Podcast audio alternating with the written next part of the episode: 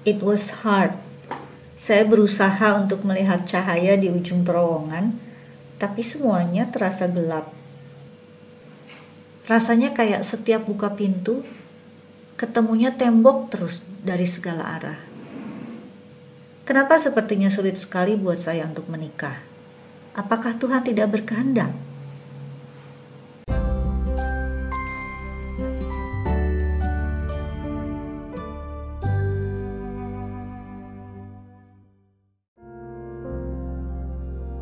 Papa saya yang sudah menderita stroke selama 9 tahun meninggal dunia tanpa sempat bertemu muka secara langsung dengan calon menantunya, warga negara Australia. Sambil menyembuhkan diri dari kedukaan, kami tetap mempersiapkan pernikahan yang akan diadakan pada tanggal 11 April 2020 di Bali. Tanggal 25 Januari 2020, pemerintah Australia mengumumkan kasus virus corona pertama. Hanya dalam hitungan hari, semua berubah di seluruh dunia. Australia menutup pintu internasionalnya, melarang warga negaranya untuk pergi ke luar negeri. Indonesia juga menutup pintu internasionalnya dan tidak menerima warga negara asing memasuki wilayah Indonesia. Itu berarti seluruh keluarga dan teman-teman suami saya yang di Australia tidak akan dapat menghadiri pernikahan kami. Kami hanya sebulan menuju pernikahan. Pada tanggal 13 Maret 2020, kembali kami menghadapi berita duka cita. Papa mertua saya meninggal di Melbourne, Australia. Suami saya merasa sangat berat hatinya mengingat mamanya sendirian dalam kedukaan di Melbourne. Kalau dia pulang ke Australia dan saya di Indonesia, kemungkinan besar dia nggak bisa masuk Indonesia lagi karena dia hanya memakai visa sosial budaya untuk datang ke Indonesia. Kami nggak akan bisa menikah dan mungkin nggak akan pernah menikah. It was hard. Saya berusaha untuk melihat cahaya di ujung terowongan, tapi semuanya terasa gelap. Butuh waktu sehari semalam untuk saya menenangkan diri berdoa kepada Tuhan minta petunjuk. Waktu itu hari raya nyepi, gak ada internet, gak ada TV, gak ada listrik. Bener-bener dikasih waktu untuk menenangkan diri dan merenung. Kami akhirnya duduk bersama dan sepakat kalau prioritas kami adalah menikah secara resmi no matter what. Kami tahu bahwa kuncinya hanya ada di pendeta, Mengingat pemerintah Indonesia sudah melarang acara berkumpul seperti pernikahan, pendeta kami bersedia menikahkan kami dengan hanya dua saksi. Kami pun kembali bersemangat dan memajukan pernikahan ke tanggal 4 April 2020, seminggu sebelum tanggal yang seharusnya. Kami meminta dua sahabat kami yang tinggal di Bali untuk menjadi saksi, dan kami melarang Insta Stories dan share foto di sosial media pada hari pernikahan kami memutuskan untuk melarang keluarga dan teman-teman kami di Jakarta untuk datang menghadiri pernikahan. Kami nggak pengen pesta kami jadi pesta corona.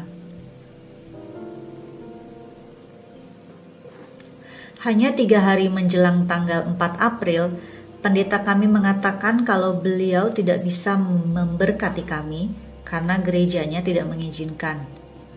Anehnya, saya sudah nggak bisa drama lagi rasanya cuma lelah saja.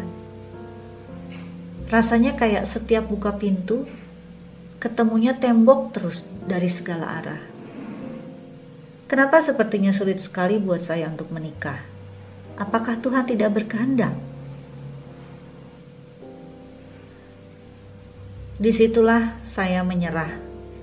Saya berusaha menerima kenyataan kalau kami tidak akan bisa menikah selama pandemi ini masih berlangsung, yang gak tahu kapan selesainya.